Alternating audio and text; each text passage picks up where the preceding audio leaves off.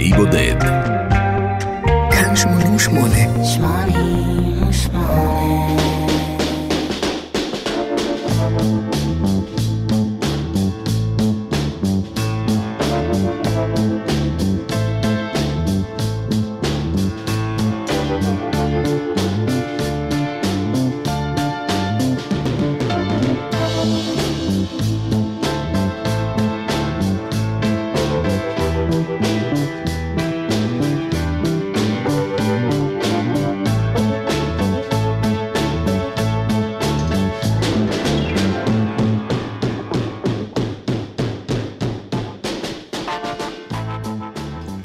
לנקות את המצפון כבר בתחילת התוכנית, אני חייב גילוי נאות. אני לא נמנה עם אוהדיה של גיבורת התוכנית, לפחות לא הייתי כזה עד היום. מי יודע, אולי זה עוד ישתנה. סיבותיי עימי, ואני לא אנסה לשכנע אתכם לדבוק בגישה שלי או להתנגד לה.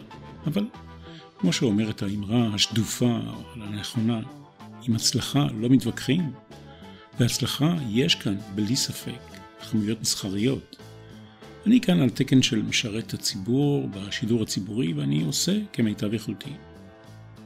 לפני שנים, בתקופת הספר הכתוב והאותיות המודפסות, פנה אליי העורך של האנציקלופדיה בריטניקה לנוער והציע לי לכתוב את, את כל הערכים בתחומי המוזיקה הפופולרית. הסכמתי. היו שני שמות שהייתי צריך להפעיל את כישרון השכנוע שלי כדי שייכנסו למאגר, לאנציקלופדיה. האחד היה אביב גפן, והשנייה הייתה מדונה, מדונה לואיז צ'יקונה. וזאת למרות שמה שהיא עשתה במהלך הקריירה שלה בתחומי התרבות, יצירתיות, יצירות המשלבות נושאים חברתיים, פוליטיים, מיניים ודתיים, עוררו מחלוקת מצד אחד, ואת שבחי הביקורת גם מצד שני. אנחנו מתחברים אל מדונה עם האלבום השני שלה, ששמו כבר השם מעורר מחשבה, Like a Virgin. השנה היא 1984. מי היא המדונה המקורית? ובכן, כידוע, זוהי מריה, מריה מרים, אמו של ישו. בשנת 2004 אימצה מדונה את השם אסתר. היא למדה קבלה, היא לא התגיירה, אך יחד עם זה היא מציינת חלק מחגי ישראל. כשהייתי חייל בשירות סדיר, הייתה מודעה באותיות של קידוש לבנה בחדר של הפקידות של המג"ד, ובו נכתב כך: מריה, את שילדת מבלי לחטוא, עזרי לנו לחטוא מבלי ללדת. אני מנחם גרנית, אני מאחל לכולנו הפלגה נעימה.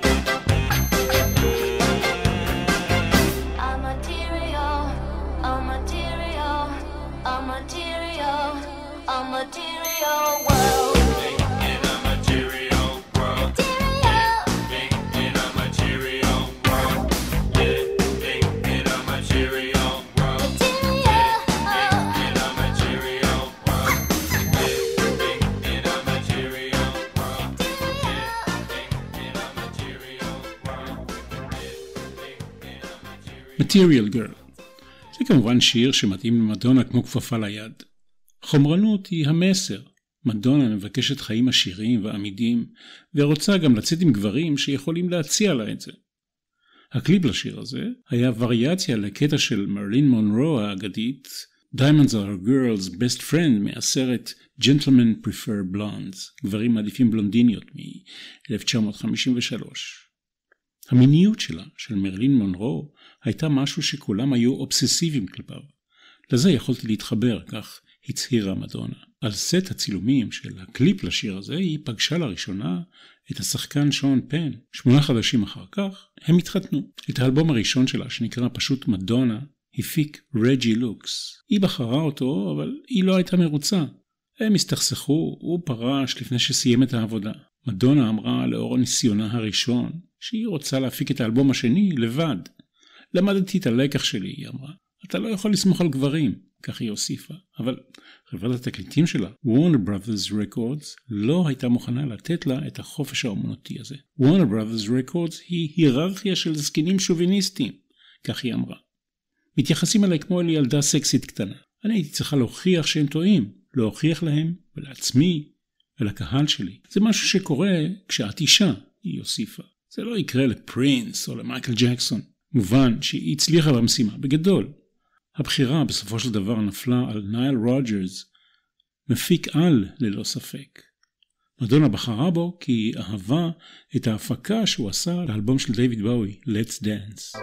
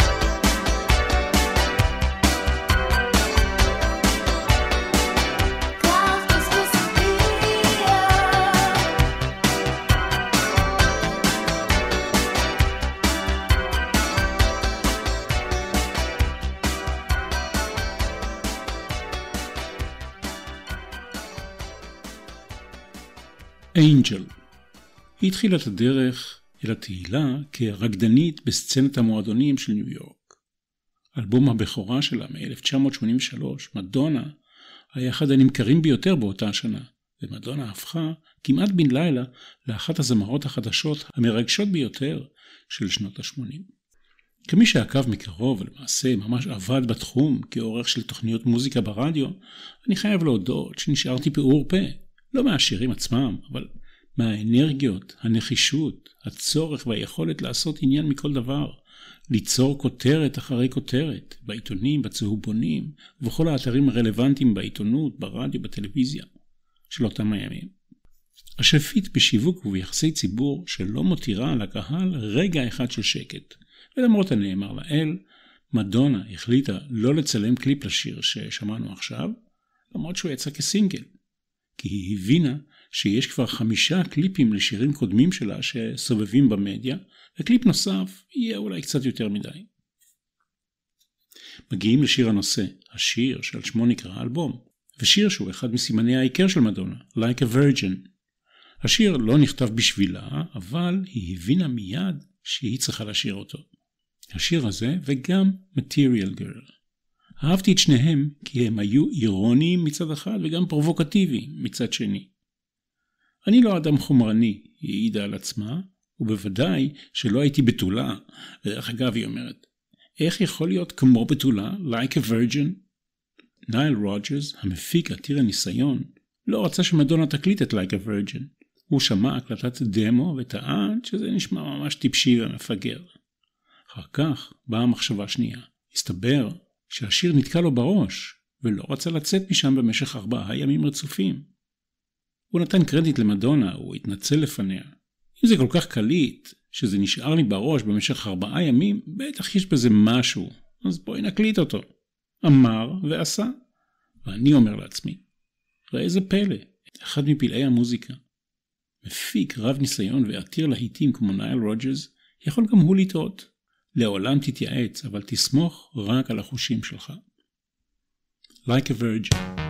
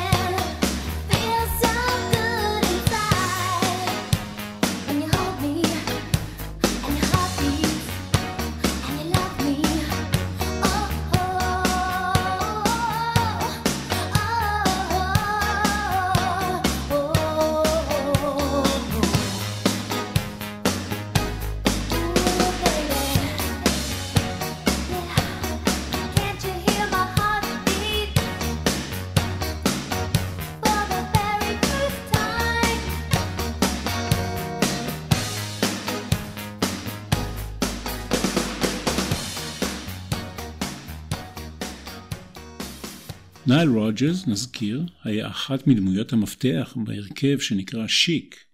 מוזיקאי, מפיק אלבומים, מלחין, גיטריסט וזמר אפרו-אמריקני. הוא ייסד את Chic, הרכב דיסקו מוביל באותם ימים, יחד עם שותפו ברנארד אדוארדס.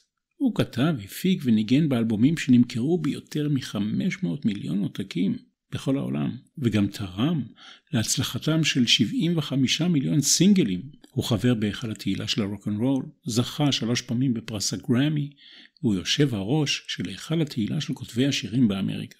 הוא עבד בין השאר, חוץ ממדונה ודייוויד באוי, עם דיאנה רוס, Sister Sledge, Sugarhill Gang, Duran Duran, INXS, מיק ג'אגר, ג'ורג' מייקל, מייקל ג'קסון, קריסטינה אגילרה, ליידי גאגה, בריאן פרי, כית אורבן, גרייס ג'ונס ועוד רבים אחרים. נייל רוג'רס גייס לטובת ההפקה של מדונה את שותפו ל Chic ברנארד אדוארדס וגם את המתופף של Chic, טוני תומפסון. בניגוד למה שמדונה אמרה על גברים בכלל ועל מפיקים בפרט, היא אמרה, כל כך התרגשתי ושמחתי לעבוד עם נייל רוג'רס, הערצתי אותו בזכות מה שהוא עשה עם Chic. לא האמנתי שחברת התקליטים שלי תיתן לי תקציב לעבוד איתו. נייל רוג'רס ראה את מדונה לראשונה בהופעה במועדון קטן בניו יורק בשנת 1983. אהבתי את הנוכחות הבימתית שלה, כך הוא אמר. Love don't live here anymore.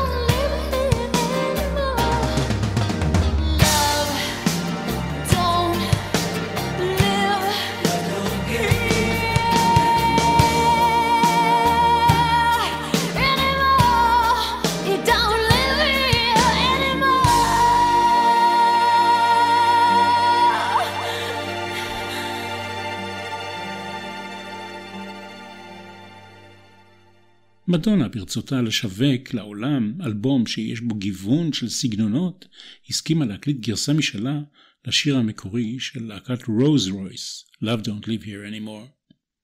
היא כתבה חמישה שירים באלבום, לא כולל רצועת בונוס שעוד נגיע אליה. את חלקם היא כתבה עם סטיבן בריי, מוזיקאי שהיה בן הזוג שלה לפני שהיא התפרסמה, ומי שהמשיך לשתף איתה פעולה גם אחרי.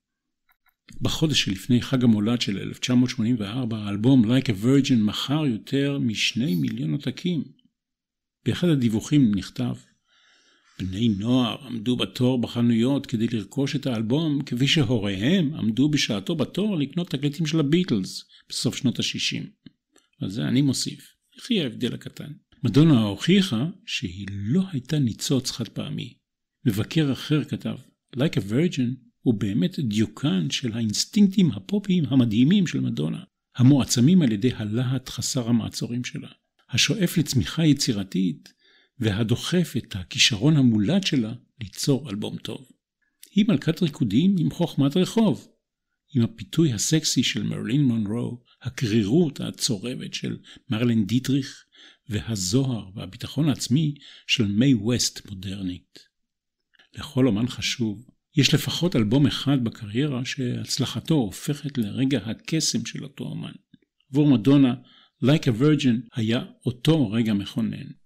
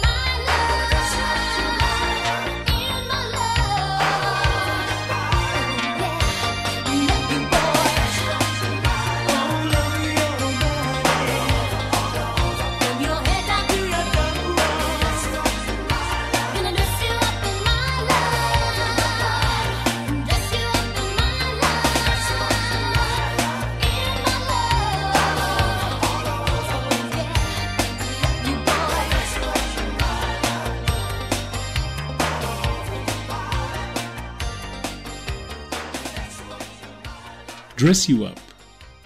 ארבע נשים אמריקניות, אחת מהן טיפר גור, אשתו של מי שהיה סגן נשיא ארצות הברית, אל גור, ייסדו באמצע שנות ה-80 גוף שמטרתו לשמור על ילדי אמריקה מפני שפה בוטה, אלימות, סקס וכיוצא באלה. מילים שמופיעות בטקסטים של שירי פופ ורוק באמריקה. הגוף הזה קבע שיש להדביק מדבקה על אלבום או על סינגל או על כל פרסום של שיר שיש בו מילים שעלולות לפגוע בחינוך של הדור הצעיר. על המדבקה המפורסמת הודפס Parental Advisory Explicit Content, כלומר, הורים, שימו לב, תוכן בוטה. יש 15 שירים שנכללו בשעתו בקבוצה שכונתה Filthy 15, השירים הכי בעייתיים, אם תרזות כך. בין החמישה עשר היה השיר שזה אך שמענו, Dress You Up של מדונה. הסיבה? סקס. אם אתם שואלים אותי, אין בשיר הזה שום דבר בעייתי. הגוף המפקח הזה החזיק מעמד כעשור והתפרק באמצע שנות התשעים. הזמר ג'ון דנבר, שנחשב לשמרן ולילד טוב וירג'יניה, טען שההחלטה להקים גוף שכזה היא בעיניו כמו שריפת ספרים על ידי גרמניה הנאצית. השיר הבא אמור להיות הומאז' למוזיקת הנשמה של מאוטאון. Shooby-Doo. Shoo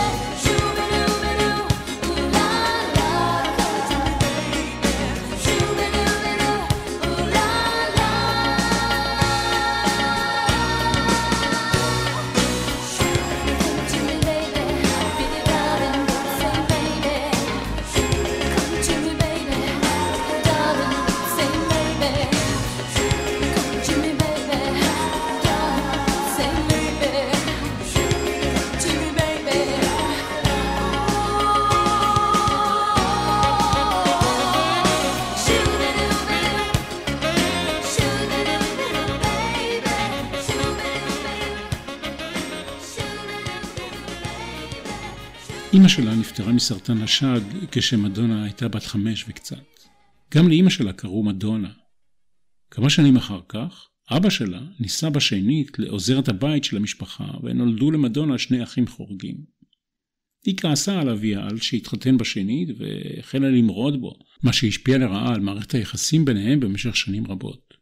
היא הייתה תלמידה מצטיינת, קיבלה ציונים גבוהים, אבל ההתנהגות שלה בבית הספר לא הייתה שגרתית. כבר אז היא חיפשה תשומת לב. מלבד גלגולים ועמידות ידיים בהפסקות, היא הייתה מפשילה את החצאית במהלך השיעור, כדי שהבנים יוכלו לראות את התחתונים שלה. מאוחר יותר היא הודתה שבצעירותה היא הייתה ילדה בודדה שרצתה להיות מיוחדת. לא הייתי מרדנית בכוונה להיות כזו, היא אמרה.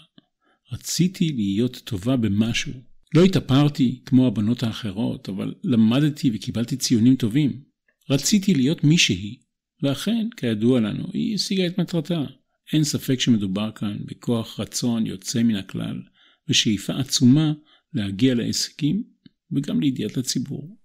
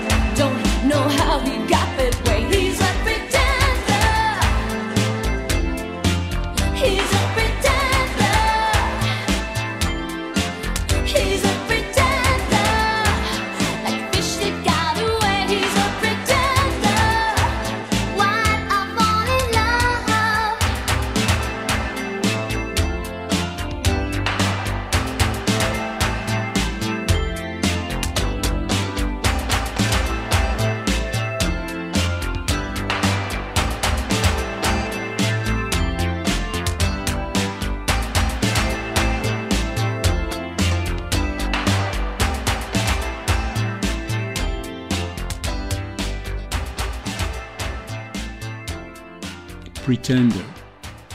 אבא שלה דאג לה לשיעורי פסנתר קלאסי, אבל היא שכנעה אותו שעדיף שתלמד בלט. היא הצטיינה גם בזה, קיבלה מלגת ריקוד באוניברסיטת מישיגן, והצליחה להגיע עד למרתה גראהם, הכהנת הגדולה של המחול המודרני באמריקה. התפקיד הגדול הראשון שלה בקולנוע היה בסרט Desperately Seeking Susan, לצידה של רוזנה ארקט, דרמה קומית אמריקאית שמספרת על אינטראקציה בין שתי נשים, עקרת בית משועממת ובוהמיאנית מעופפת. הביקורות היו מצוינות, ואף שרוזנה ארקט הייתה הבכירה ממנה, גם בהיררכיה וגם בסרט, הוא נחשב לסרט של מדונה. הסרט יצא לאקרנים קצת אחרי שהאלבום Like a Virgin ראה אור, ועל כן שיר הנושא צורף למהדורה המאוחרת יותר של האלבום הזה. Into the Groove. And you can dance. מה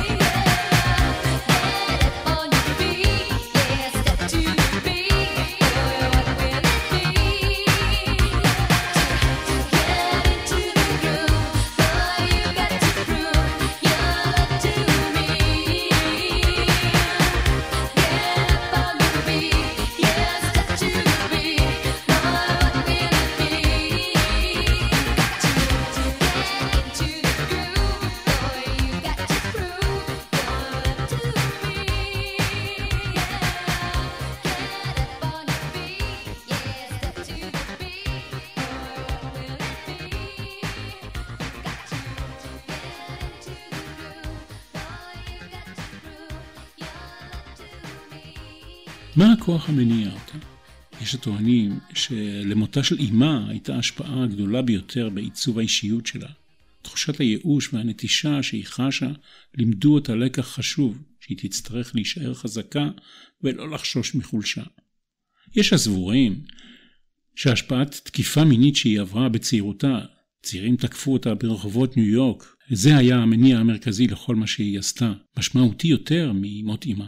היא נתקלה בתרחיש הגרוע ביותר האפשרי. היא הפכה לקורבן של אלימות גברית, ובעקבות המקרה הזה היא דאגה להפוך את היוצרות, והפכה את המשוואה על פיה. אני אוהבת לשלוט ברוב דברים בקריירה שלי, אבל אני לא עריצה, כך מדונה על עצמה. מבחינתי, שליטה מוחלטת אומר שאתה יכול לאבד אובייקטיביות. מה שאני אוהבת זה להיות מוקפת באנשים אינטליגנטים ומוכשרים שאפשר לסמוך עליהם, לשאול אותם לעצתם ולקבל את רעיונותיהם.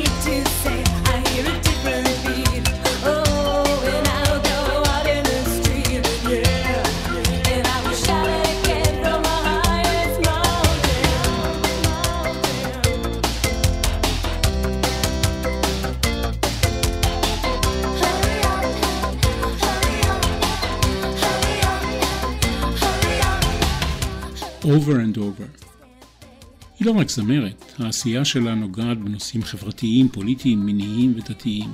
היא מעוררת מחלוקת מחד וזוכה לשבחי הביקורת מאידך. היא ניסתה את כוחה גם כשחקנית בקולנוע, בסרטים Desperately Seeking Susan, שכבר הזכרנו, Dick Tracy, A League of Their Own ואביטה. התפקיד שלה באביטה זיכה אותה בפרס גלובוס הזהב לשחקנית הטובה ביותר. היא הקימה את חברת מבריק ב-1992, אחת מחברות התקליטים המצליחות ביותר בהיסטוריה. מיזמים אחרים שלה כוללים מותגי אופנה, ספרי ילדים, מועדוני בריאות והפקת סרטים. עם מכירות של למעלה מ-300 מיליון אלבומים ברחבי העולם, מדונה היא אומנית המוזיקה המצליחה ביותר בכל הזמנים. ההופעות שלה הכניסו לקופתה הפרטית לא פחות ממיליארד וחצי דולר. האלוהים שאני מאמינה בו ברא את העולם, היא אומרת. הוא, היא, הם. זה לא אלוהים לפחד ממנו, זה אלוהים שיש להודות לו. הרעיון שבכל כנסייה אתה רואה אדם על צלב וכולם מתרפקים ומתפללים אליו, במובן מסוים זה פגניות. עבודת אלילים, כי אנשים סוגדים לדבר מסוים.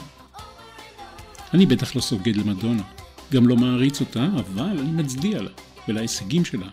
עד כאן אלבום להיבודד עם מדונה, אני מנחם גרנית, כל טוב.